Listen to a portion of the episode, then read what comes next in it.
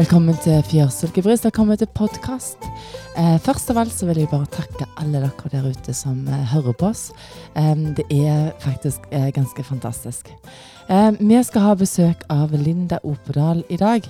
Hun driver bl.a. med livsstilsendring, terapi i form av eh, hypnose, tankefeltterapi og litt eh, gruppeterapi. Vi skal bli litt bedre kjent med henne og høre om alt det som hun driver med. Hei, Linda. Hei, Sandra. Hei. Kan ikke du eh, fortelle litt eh, om deg sjøl? Ja, hva, hvor skal jeg begynne? Eh, jeg er oppvokst i Etne, eh, så jeg kommer fra ei lita bygd der. Og for tida da, så jobber jeg i Bergen ei uke, så er jeg ei uke her hjemme i Tysvær. Mhm. Eh, jeg har to barn på 11, og han eldste blir 15.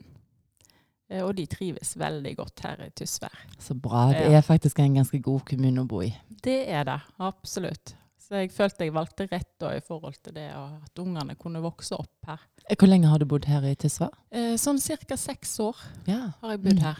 Mm. Mm. Ja, Så det begynner å bli en stund nå. ja. Mm. Hva, hva, hvordan er jobben din? For det høres jo ganske interessant ut med, med både det ene og det andre, vil jeg si. Ja. Kanskje hypnose syns jeg er veldig eh, spennende. ja, hypnose er jo veldig fascinerende. Det er jo det. Eh, det jeg kan si om hypnose, da, det er jo at eh, det er for de som klarer å fokusere på én ting. Mhm. Eh, Så hvis du kognitivt klarer å fokusere og la deg lede av det som blir sagt, så kan hypnose være noe for deg. Eh, og da er det sånne transetegn, da, Mhm. som jeg går gjennom noen faser, sånn at du er i stand til å jobbe med de tingene som du ønsker å jobbe med. Eh, og de, den første fasen det går på at øyenlokkene dine blir så tunge, så avslappa, at de begynner med litt sånne rykninger i øyenlokkene. Ja. Og det er ett transetegn. Mhm. Og det andre transetegnet det er at armen din blir så tung og avslappa at du orker ikke å løfte den.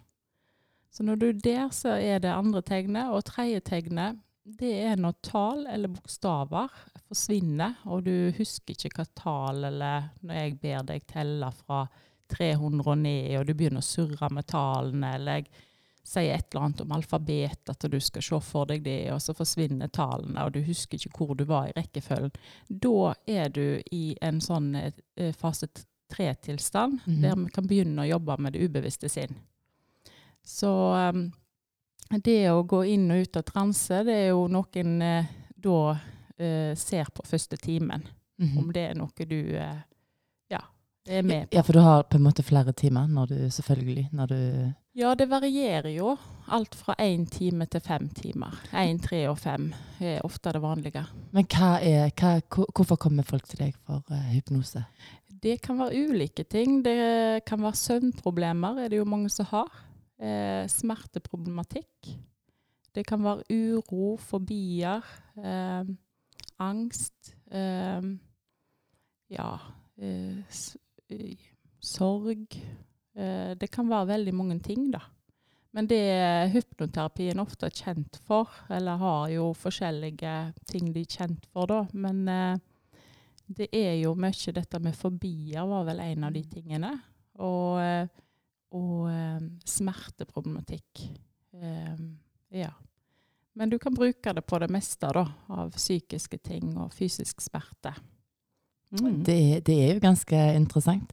Eh, når jeg visste at jeg skulle ha deg på besøk her, så, så spurte jeg akkurat ei venninne liksom, har du hørt noe om hypnose og sånn. Og så sa hun sånn ja, jeg har brukt det i, for, eh, i form av altså, eh, med soving.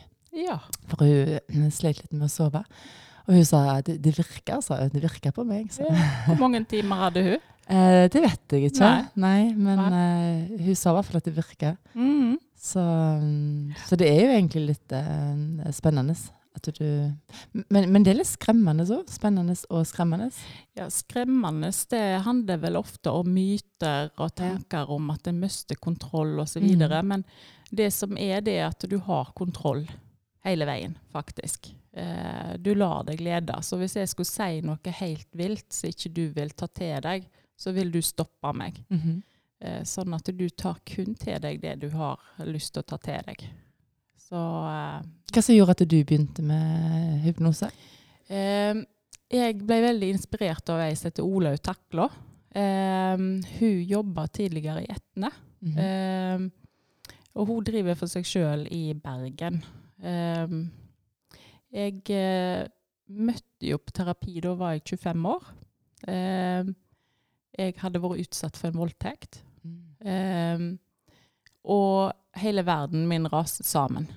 Eh, og jeg ble sykemeldt fra jobben. Jeg tenkte jeg aldri kom ut i jobb igjen. Eh, og siden jeg jobba i én kommune, da, så ble jeg sen sendt i en annen kommune siden jeg jobba innenfor helse. Mm. Eh, og da traff jeg henne. Og hun har jo inspirert meg med både tankefeltsterapi og hypnoterapi. Eh, det skal jo være sagt at hun drev ikke med hypnoterapi når jeg gikk der, da. Men mm. det var noe som kom etterpå. Mm. Eh, og hun ble òg en kollega av meg på et tidspunkt. Da Da sa hun det at eh, vi trenger ei som deg her. Eh, kan ikke du søke på den og den stillingen? Og det, Det- var helt fantastisk, for jeg må bare si det. Jeg tenkte på det Eh, Det å sitte på et venteværelse og føle seg helt utenfor og i krise og tenke at en aldri kommer tilbake i livet og kan fungere på skikkelig måte, og så, etter å ha gått i terapi over ei tid hos henne, så sier hun at søk en stilling. Og det betydde vanvittig mye, altså. Å bli sett som eh, en ressurs. Mm. Eh, det er jo egentlig løye hvordan veien eh, blir til, på en måte. Ja. At noe gru, altså så grusomt kan eh, få deg inn på en sånn eh, god vei, sånn at Mm. du kan hjelpe andre. ja, Mm. det er det. Så det, jeg ser jo det som en ressurs i dag. Mm. Eh, så i dag så ja, har jeg det fint på mange måter. Mm. Eh, det har jeg. Eh, så det er mye jeg kunne sagt eh, i forbindelse med det. Og jeg var jo heldig, jeg, da. For eh, eh, når det skjedde, og etterpå, så ble jo både fastlege og politi kontakta. Sånn at uh, han som gjorde det, han ble faktisk straffa. Ja, og det er jo fantastisk. For det er jo ikke alle som får oppleve det å bli trudd og møtt og tatt på alvor, Mm. sånn som jeg ble. Så eh, jeg ser jo i ettertid at jeg har vært vanvittig heldig. Og gode venner og støtte har jeg hatt. Ja. Jeg tror jo absolutt at du er en god terapi, altså terapeut, eh, i forhold til når du opplever sånne ting sjøl, så skjønner du liksom verdien av, eh, verdien av hjelp. Ja, absolutt. eh, Det gjør en da. Og jeg tenker det er viktig òg som terapeut å ha kjent hvordan det er å være i den andre stolen. Eh, Det å være klient, hvor sårbart det er. Og det er jeg veldig glad for, at de terapiutdanningene som jeg har tatt, og heller òg på med en utdanning i gestaltterapi nå Mm. i Oslo, eh, det er at jeg får kjenne på hvordan det er å være klient, og at jeg er plikta til å være i egen terapi og ta meg sjøl på alvor. Da. Mm. Eh, det, det er både ressurs og veldig viktig. Mm. For, hvem tenker du egentlig eh, Jeg tenker jo av og til at eh, nesten alle burde gått litt i terapi. Ja, hadde det vært i USA, så hadde jo alle hatt en psykolog. ja. mm. Så eh, jeg tenker jo at det å gå i terapi, det, det er Det er absolutt noe å anbefale, da. Det er det. For jeg tenker alle har sine livshistorier, sine livserfaringer. Og det er jo ikke rosenrødt hver eneste dag. Nei. Jeg tenker at det er bare det å få rydda litt opp eh, inni seg Ja, kan gjøre ganske godt. absolutt. Så om det er en psykolog, eller om det er Altså uansett hva terapi det er, så, så er det jo egentlig veldig bra. Ja, det tenker jeg at det er. Så, så når, du, eh, når du har sånn gruppeterapi og sånt, er det sånn at dere sitter i ring og sånt? Og sånn at det er sånn som du ser på TV, liksom? Det er litt sånn som du ser på film. Mm, ja. jeg bare spør, jeg, for jeg, jeg, jeg syns det er veldig interessant, så jeg eh, Mm. eh, Ja, jeg syns jo gruppeterapi det er helt fantastisk. Eh, jeg tenker jo at en heles i møte med andre. mm. Og ofte så er det sånn at eh, vi har ulike erfaringer i ulike grupper. Eh, noen har erfaring f.eks. med mobbing i eh, skolen, og det har satt veldig store spor. Mm. Kanskje har de angst. Eh, kanskje er det så gale at eh, de klarer ikke ut i arbeidslivet engang, eh, fordi at angsten er så hemmende. Og da tenker jeg at gruppeterapi er veldig fint. Mm. Eh, det å kunne hele seg i lag med andre. Men òg andre livskriser, da. Eh, så tenker jeg at gruppeterapi kan eh, hjelpe. For jeg tror veldig på det at det å møte andre med samme erfaringer eller andre erfaringer gjør at en eh, får så mye mer, da, enn å bare sitte én til én. Så kanskje en føler seg eh, litt mer eh, altså OK, på en måte. Fordi hvis du hører om andre, hvordan andre har det, så blir kanskje dine problemer på en litt annen måte. Ja, jeg tenker at en eh, ser seg mer som eh, normal, da, for Mm. å si det sånn. At en eh, sykeliggjør seg ikke sånn på den måten. Mm. Og, og en ser òg at det virker. Altså at en legger merke til at, eh, at en blir bedre og bedre for hver gang. Sant? For en eksponerer seg for andre folk og deler om det som eh, en har behov for å dele om. da.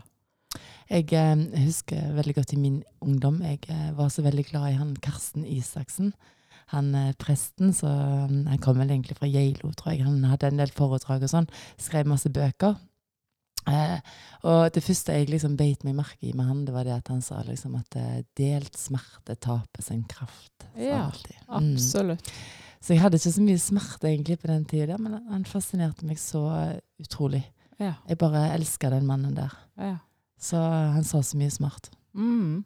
Så jeg tenker det er jo viktig for sånne som på en måte går og bærer på noe. Altså om det er eh, vonde ting. Altså det trenger jo ikke bare å være eh, utsatt for vold, men eh, av og til så har vi det ikke så godt inni oss. Så om vi på en måte deler det, så, Mm. så taper det jo kraften.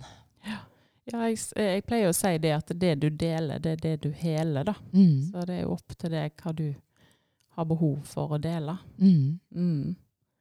Men ofte er det liksom den ærligheten eh, eh, den, den er egentlig ganske god. Ja, ærligheten er jo helt nødvendig. Mm. Eh, det skal en komme noen vei, så må en jo begynne der. Mm. Og, og det kan være veldig vanskelig, for det kan være en del benektelse, det kan være forte- for ting en forteller seg sjøl, forskjellige overbevisninger en har som faktisk ikke stemmer. da. Eh, så vi, vi, det er løye hva vi kan finne på å fortelle oss sjøl, altså. Og så er det jo sånn at når du forteller det nok ganger, så tror du på det til slutt. Ja, Og kanskje har du hørt en plass òg. Mm. Eh, ja, og så viser det seg at sånt er det faktisk ikke. Mm. Så det er liksom veldig med det der tank tankene. Tankene i hodet. Ja. De styrer egentlig ganske mye. Men, men kan du fortelle hva tankefeltterapi er? Ja, tankefeltterapi det er, går på akupunkturpunkter, da. Eh, så da er det noen tappingpunkter. og Tappe med lett fingerbanking, da. Eh, og det er noen punkter i ansiktet. Og så er det på hendene. Og så er det ett på kragebeinet. Eh, og dette er jo en terapiform som er evidensbasert i USA. Så han kan virke litt rar, da. Men han er han blir brukt mot vonde opplevelser, bl.a. Eh, depresjon, uro, redsel, angst, sorg, sinne eh, og smerter. Eh, egentlig det meste av følelser. Og fysisk smerte. Eh, søvnproblemer. Sånn at det er litt sånn eh, alt etter hva terapiformen liker, da. Eh, som på en måte kan passe best, den som kommer.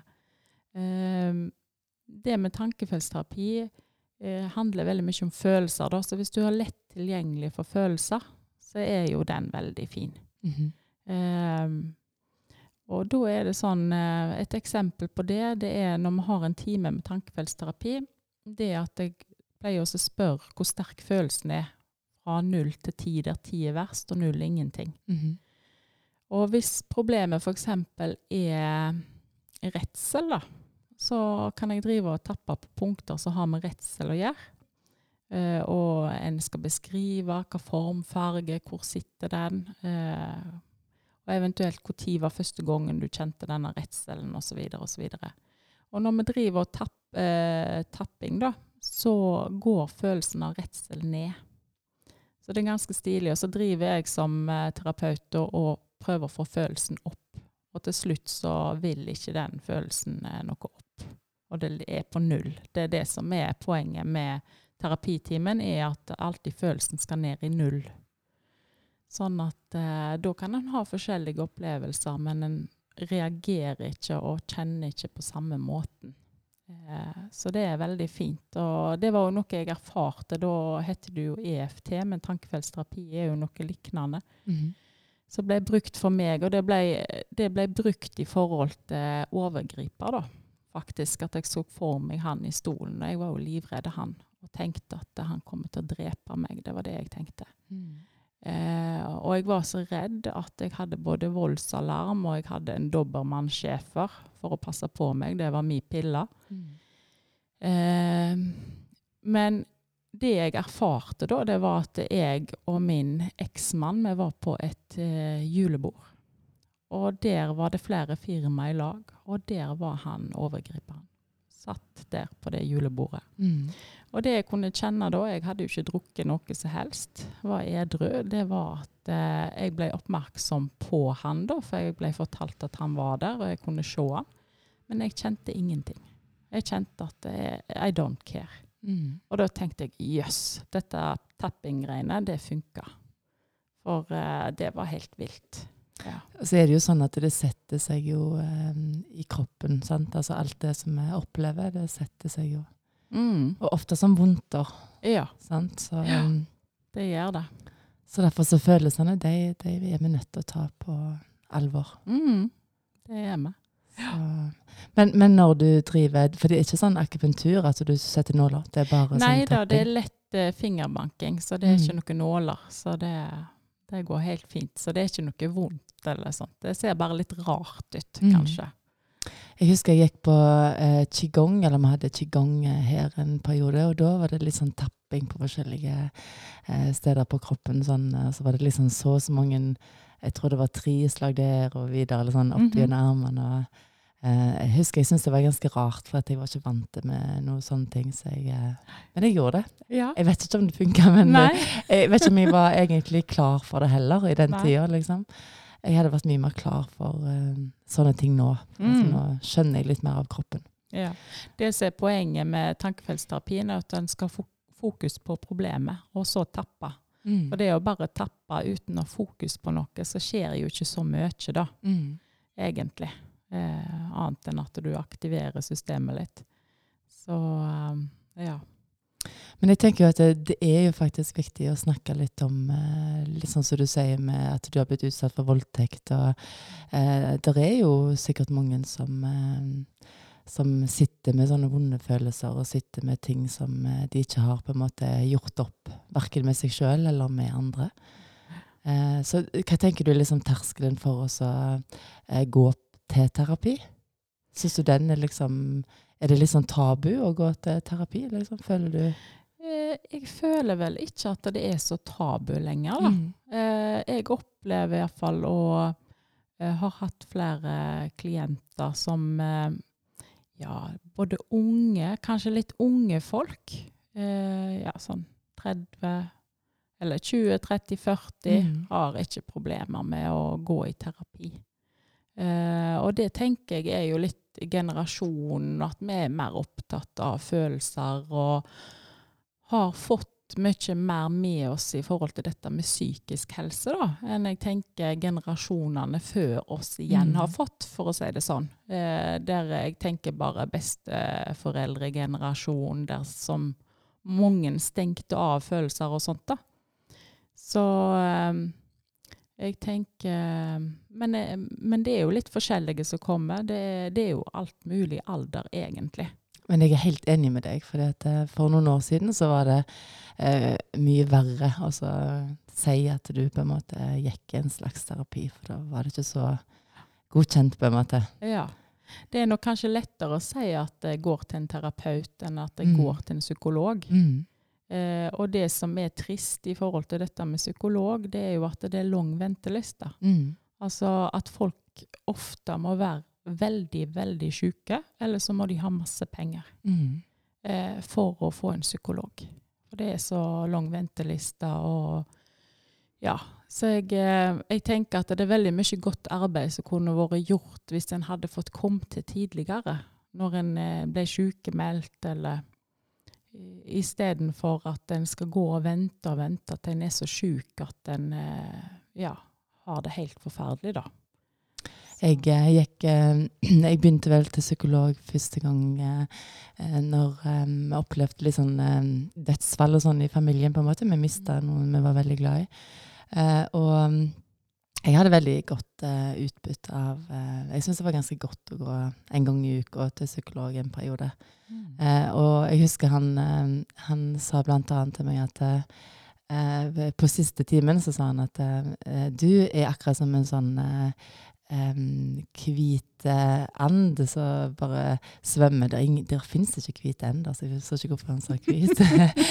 Eh, men bare se for deg sånn at du, du svømmer liksom på en sånn fin, eh, fint vann, og så er det på en måte en foss som går ned der, og så ser alt så veldig fint ut på overflaten. Men sånn, det er ingen som ser beina dine. Hvordan du på en måte jobber for å holde deg oppe. Ja, sant. Det er sterkt med Ja. sånne metaforer. Det treffer vanvittig. Mm. Jeg husker jeg tenkte liksom ah, Det stemte jo kanskje litt. Ja. For jeg hadde på en måte en del kamper inni meg som jeg Ja. eh, jobba med, men samtidig så så så jo ting fint ut. Mm. Selv om jeg var ærlig med de nærmeste, så mm, utad så så det kanskje sånn ut. Mm. Og han sa blant annet ord til meg at «Husk at din stige trenger ikke gå helt inn i himmelen, sa han. Eh, og når jeg kjørte hjem den ene dagen, så ringte jeg til søstera mi, hun jobber her på huset, Mm. eh, på kontoret da, så sa jeg du, nå bare legger vi ned den frisørsalongen, for den tida var jeg frisør òg. Ja. Så sa hun sånn, hva mener du? Så sa jeg nei, jeg trenger ikke gjøre alt. Nei. jeg har fått beskjed om at jeg ikke trenger å gjøre alt. Jeg trenger ja, ikke pynte brudene og synge og lage mat og gjøre liksom alt. Ja. Så da la vi ned den frisørsalongen. ja. Bare der og da. Og så lagde vi kontor der ute, og så følte jeg eh, Så det, det er ganske løye, for det er ikke så mye skal til alltid. Altså bare det å bli sett, liksom. Altså at noen andre sitter der og så sier til deg at eh, nå kan du hvile litt. Mm. ja, og det er jo sånn at vi trenger å høre det, da. Mm. Vi holder jo på som sånn uh, Duracell-kaniner og skal fikse alt og styre alt. Og jeg sjøl har vært der at jeg skulle, skulle gjøre alt. Mm. Eh, og eh, ja, veldig sånn høyt eh, aktivitetsnivå da, for å slippe å kjenne på hvordan jeg egentlig har det, og hva jeg Mm. faktisk trenger. Og eh, det er jo bare oppskrifter på å smelle i veggen. Mm. Det er jo det. Mm. Så eh, vi trenger jo ta mer pauser og ro, da. Eh, og få det godt med oss sjøl. Og det tenker jeg at eh, alle har behov for, å bli sett i det. Eh, og satt pris på. At det òg faktisk er en kvalitet og viktig, da. Mm. Så, så jeg er blitt mye mer der, da. At jeg kan unne meg å ta det med ro, med god samvittighet. Mm. Ja. Jeg eh, har jo en del eh, yogatimer og sånn her, og eh, jeg ser jo eh, Denne uka så hadde vi sånn at eh, når eh, vi begynner timen, så setter vi oss ned i bare ett minutt, og så teller vi hvor mange ganger vi puster eh, innpust i minuttet, på en måte. Og så gjør vi det samme etter timen, etter vi har ligget i avslapping. Eh, Eh, og jeg tror det er sånn aha for folk, fordi at eh, når de er halvannen time på yoga her, så er de jo ikke borti telefonen sin. Da eh, er det jo bare pust med bevegelse. sant? Altså Det er liksom veldig konsentrert. sant? Eh, eh, jeg prater litt sånn hele veien, sant? hva folk skal gjøre og sånn, fordi at hvis jeg ikke prater, så forsvinner jo forsvinner de ut av rommet. Ja. Altså kroppen er her, men tankene er liksom langt der ute. Mm. Da tenker de på alt de burde gjort, eller hva de skal til middag. Eller. Så jeg har liksom bare vent meg til at jeg snakker egentlig veldig rolig, så puster vi inn, og så holder vi pusten på toppen, og så puster vi ut, og så puster vi egentlig veldig seint. Eh, og det gjør noe med kroppen, altså. For når de har ligget i avslapping og setter seg opp igjen og puster på nytt igjen, så har de liksom eh, altså kanskje bare halvparten av det de hadde når de kom inn. Mm. Så det handler jo om det å kanskje legge vekk liksom eh, litt sånn sosiale medier. Litt sånn eh, Jeg tenker at det er de som tror at eh, de skal ta litt vare på seg sjøl og sette seg ned og så se fire timer på TV om kvelden, for da slapper de av. De gjør jo egentlig ikke det. Altså sånn hjernen og kroppen og eh, Jeg gjør det sjøl, altså. Jeg setter Mhm. meg ned og ser på TV. Men hvis vi liksom skal gå helt inn i den, eh, så trenger vi faktisk litt stillhet. Ja, vi trenger det. Altså, jeg er veldig for det. Og det jeg er blitt veldig glad i, det er meditasjon. Mm. Eh, så det er noe jeg kan gjøre morgen og kveld. Mm. Eh, og det gir meg masse. Mm. Så Men hva, hva gjør du da? Jeg er veldig glad i meditasjon. Er det sånn at du har en guide guidet meditasjon, eller eh, liker du bare stillheten? altså, jeg kan bruke begge deler, så det er alltid til hva jeg har lyst på. da. Av og til så vil jeg ha en guidet meditasjon, eh, og av og til så vil jeg bare ha stillhet. Uh, ja. Så det er sånne teknikker som jeg har lært meg, da. Og jeg Mm. bruker jo òg selvfølgelig av hypnosen. Jeg gjør jo det bare for å komme dypt ned. Så jeg kan kjapt gå ned i avslapning, da. Jeg har en sånn um, eh, Jeg føler jeg sier det på hver episode at jeg er 47. Jeg er snart 48, da. Eh, alder, liksom. Men jeg har en sånn eh, greie om at jeg mener at folk skal på en måte være stille ett minutt per alder. Så em, når jeg på en måte er inne i en sånn eh, god sti med meditasjon og sånn, altså, em, så setter jeg gjerne klokka på nedtelling på 47. Og så tar jeg gjerne, setter meg ned litt om morgenen og senker skuldrene og bare sitter der, liksom. Og først og fremst må jeg jo på en måte høre på denne, eller den tankestrømmen, da. Jeg må liksom akseptere og sånn. Og så tar jeg gjerne tak i pusten, sånn, som en sånn anker, og så eh, sitter jeg der. Og så gjerne så åpner jeg øynene etter en stund, og så gjerne har jeg sittet et kvarter, og så trykker jeg på stopp, og så i løpet av dagen så skal jeg på en måte ned til null. ja. Sånn at av og til når jeg legger meg, så er det kanskje bare tre minutter igjen. Men da setter jeg meg ned. Men da vet jeg at da har jeg hatt ett eh, minutt per alder. ja. Det var jo et veldig godt tips, da. Eh, og det har jeg faktisk kjørt med ungene eh, i barnehagen og skolen her. Mhm. Jeg hadde et prosjekt eh, eh, med skolen og barnehagen her på Førland. Eh, og da, Jeg husker veldig godt de ungene som kom fra barnehagen. De eh, var kanskje to og tre og fire og fem år. altså de var jo det, men, eh, Og da liksom satt jeg sånn at de måtte se på et lys, og så måtte de være helt stille, sitte helt stille eh, eh, bare to minutter, eller tre Mm. minutter, eller fire eller fem. Eh, og det, det funka, altså. Det var ganske fascinerende. Ja, og det er jo ganske Jeg husker helt i begynnelsen når jeg eh, fikk høre om meditasjon og skulle prøve dette. Jeg forsto ikke poenget. Og det var bare tankekjør i hodet og urolig. Og, så det er jo en treningssak, da. Og meditasjon er jo så mye. Det kan jo være å gå tur Mm. i skog og mark og bare se natur og høre på fuglene. Mm. Eller stå med elva og fiske. Altså, så det er jo så mye, så det er jo opp til hver og en å finne sin måte å få ro på. Men at det er viktig, Mm. det er jeg helt sikker på. At det, det er helt nødvendig at vi har en eh, ro og avslapning opptil flere ganger egentlig i løpet av dagen. Akkurat det som du sa med, med bare stå og se på elva, det syns jeg er en ganske fine ting å gjøre i forhold til meditasjon. For du kan bare sette deg ned og så kan du tenke at pusten din er som ei elv. em, og at den skal på en måte Og den renner der den slipper til. Så ofte i kroppen så har vi mye sånne spenninger, vi har eh, gjerne litt vondter og sånn. Så gjerne hvis, jeg, hvis vi ligger opp på en måte i uh, savasana, som er den hvilestillingen, så bruker jeg av og til det. Så liksom Ja. Tenk at pusten er som ei elv. For hvis du har noe vondter da, så er det jo viktig å på en måte ikke uh, gå rundt, men faktisk bare gå gjennom.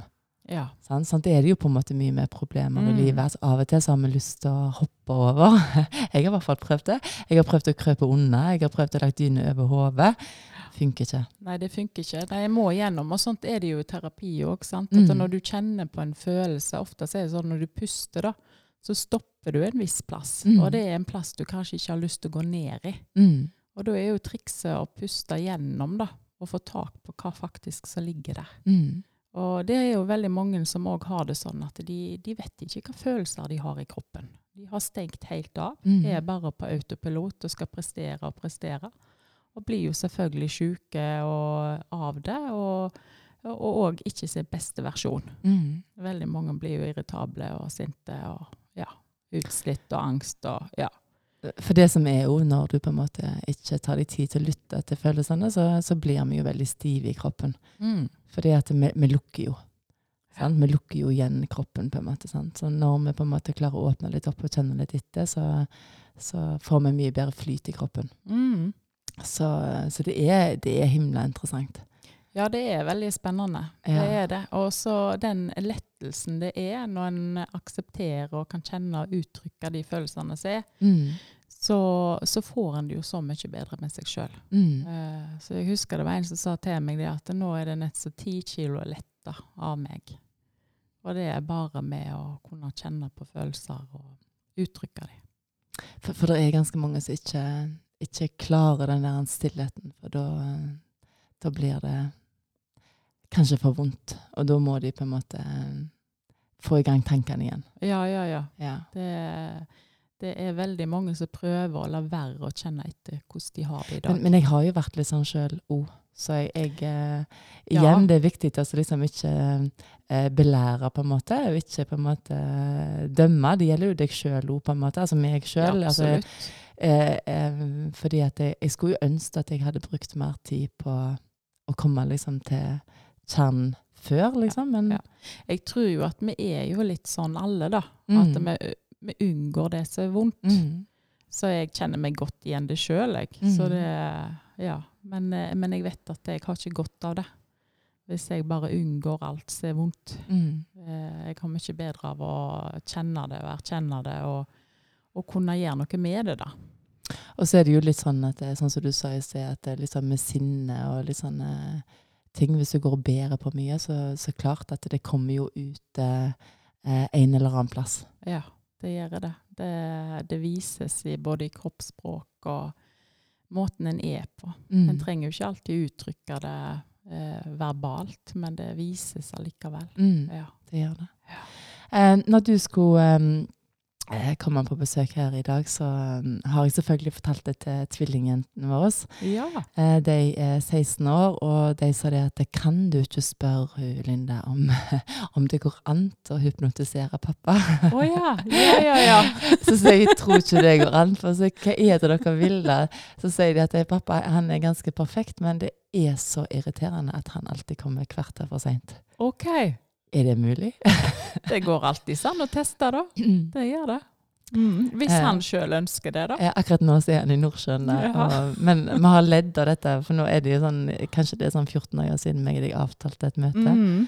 Så det har liksom vært eh, sånn, litt sånn innom hele veien. Mamma, husk å spørre henne. Husk å spørre om hun Ja, kan. ja, ja. Eh, og, og da sa hun, hun ene hun sa det at eh, faktisk, mamma, hvis det er én ting jeg ønsker meg til jul, er det at pappa skal komme presis. ja. Har du gjort sånne ting før? Altså, jeg har jo fått forskjellige oppdrag, da. Så det er jo ikke sånn at jeg eh, tenker at å, når det kommer en eller annen til meg, at eh, ja, da kommer de typisk med et visst problem. Jeg har blitt overraska Mhm. eh, over hva problemstillinger som kommer, da. Mhm. Eh, noen er jo veldig opptatt av kropp, f.eks., Mhm. eh, og er nysgjerrig på hva det ubevisste sinn eh, sier i forhold til visse ting i kroppen. da. Eh, de kan f.eks. ha et eksem eller som kommer og går, og liksom hva går det i? Og, ja, så det kan være forskjellige ting, da. Mm. Så, så jeg må høre med han, og så kanskje neste gang når du eh, har friuke, så kan jeg få han inn. Kanskje det. Eh, og så sa jeg det òg faktisk i em, en, en del i sånne yogaklasser som jeg har hatt her. Så fortalte jeg òg liksom at, eh, at du skulle komme. Og da, for du nevnte sånn at eh, du kanskje kunne komme inn, og så kunne du hjelpe med sånn eh, av, Avspenning. avspenning. Ja. Mm. Ja, jeg tenkte de kunne fått en sånn der uh, djup avslapning, da. Mm. Eh, og testa det ut. Og det Mm. er jo veldig fint i forhold til smertepasienter, faktisk. Og, Mm. og de aller fleste av oss har jo av og til noen spenninger og ting og tang som kan bli vondt. da. Sånn at uh, veldig mange får en uh, overraskelse Mm. når de går i djup avslapning. Ja. Jeg tenker at det, det må jo være egentlig veldig bra for, uh, for barn og sånt òg. Jeg skulle ønske at det er yoga og meditasjon som kom inn i skolene. ja. Um, men vi er kanskje litt uh, etter der. Det kommer nok. Ja. Uh, jeg mener faktisk i Etne, Mm. eh, på den ene private barnehagen der, at eh, der er ei som driver litt yoga. Mm. Iallfall gjorde det en eller annen gang. Mm. Sånn at jeg tror nok at det kommer mer og mer, da. Mm. Men eh, kanskje mer i de private barnehagene, jeg vet ikke. Jeg husker TV Haugaland var her på besøk når jeg hadde eh, barnehagen på yoga. Mm. Eh, og da var de så fascinerte, for de sa så, svarte så godt på spørsmål og sånn. Men eh, han ene han sto i gangen og tok på seg skoene, og så, så sa han at jeg elsker å gå her på yoga. Noe sånn, sa han, fordi at da får jeg boller etterpå. Ja. fordi at vi hadde bakt noen boller på kjøkkenet. Så det er ganske løye, liksom. Ja. å se. De er ganske enkle, men uh, akkurat som hvis du får det inn i litt sånn tidlig uh, alder, så, så tror jeg at det, trenden er litt sånt uh, i dag. Jeg tenker jo absolutt at det er et behov der, for ungene òg trenger jo ro. Mm. For det er jo så tett program for ungene i dag. Mm. Eh, og det har jeg jo erfart med at jeg har fått eh, både unger og ungdom, da, som er slitne av alt som skal skje hele tida. Mm. Så kanskje du kunne hatt en sånn eh, gruppeterapi med, for ungdom?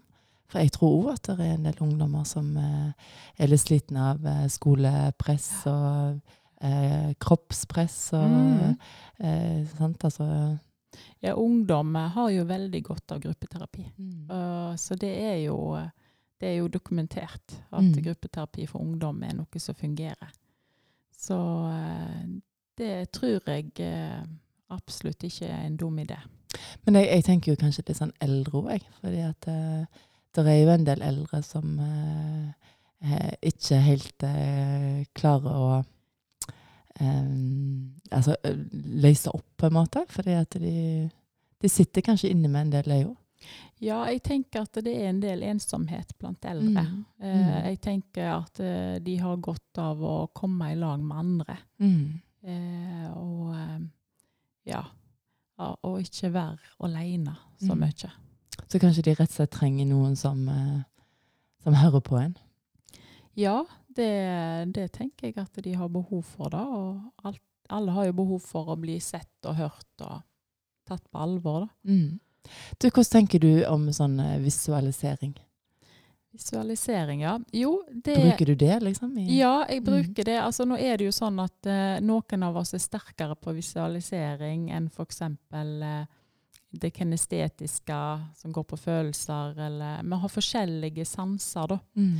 Eh, og noen av oss er litt sterkere på det. Men eh, visualisering bruker jeg eh, på de som jeg ser eh, Ja, at det funker for, da.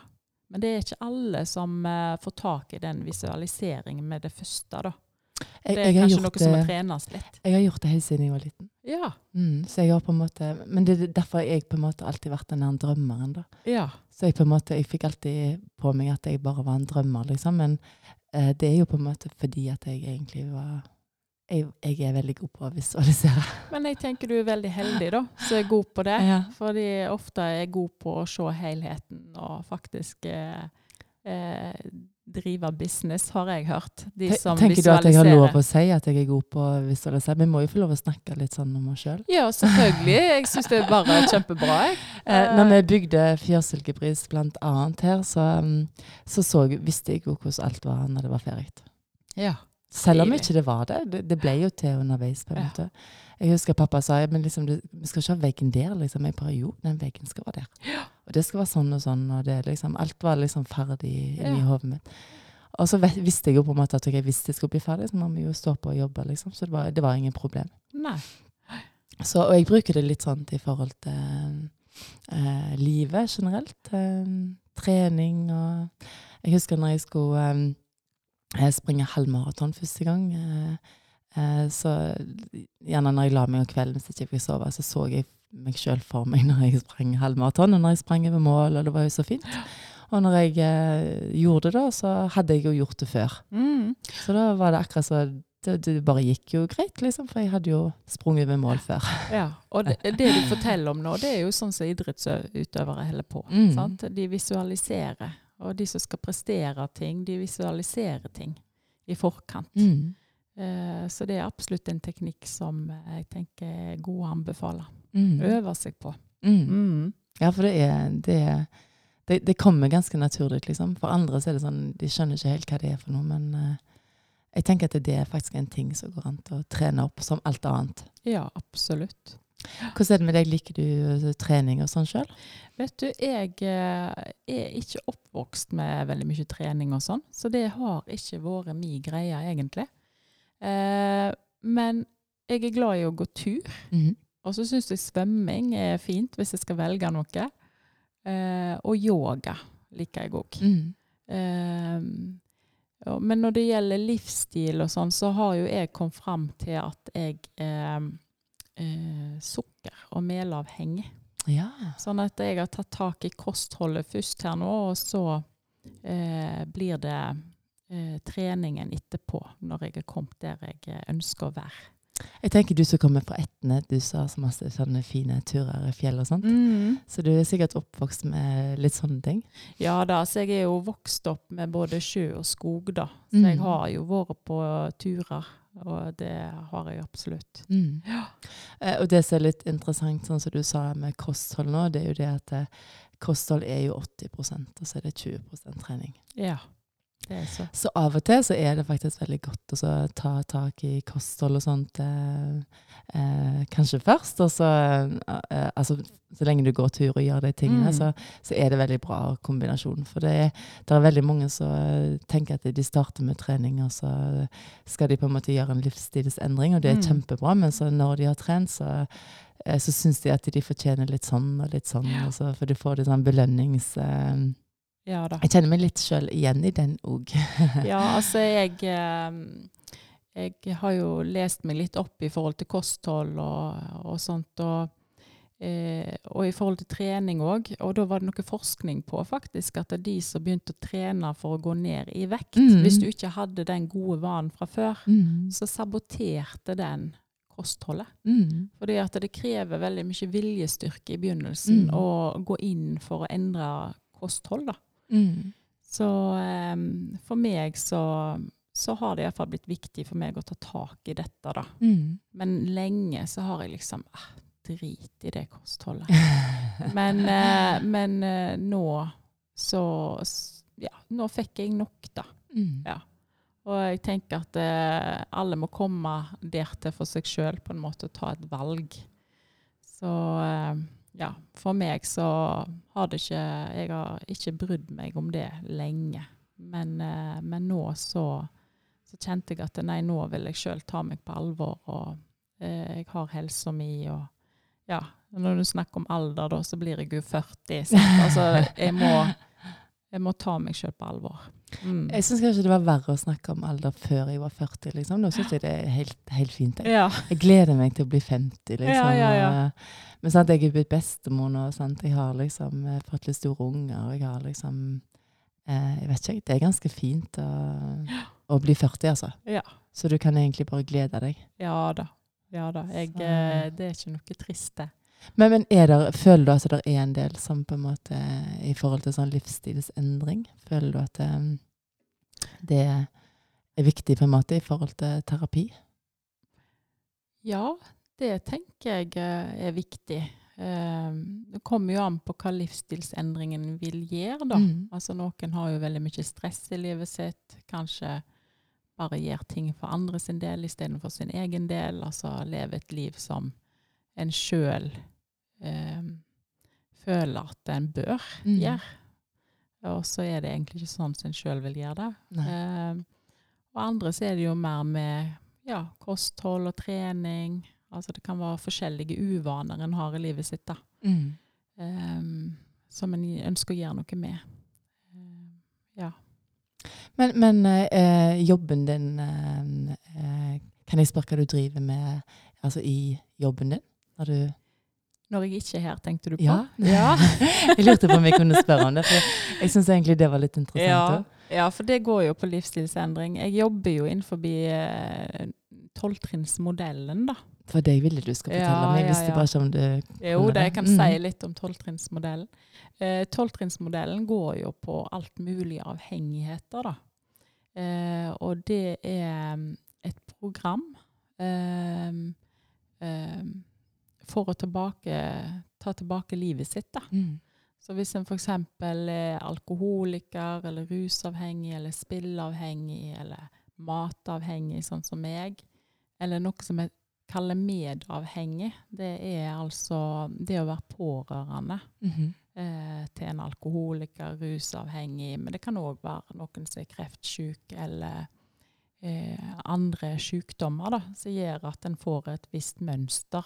Eh, eh, og da kan en få hjelp til å, å få fokus tilbake på seg sjøl. Ta ansvar for livet sitt. Mm. Jeg syns det høres ut som en veldig viktig jobb du gjør. Ja, det er utrolig eh, Ja, hva skal jeg si. Jeg er veldig takknemlig for den jobben jeg har, det må Mm. jeg si.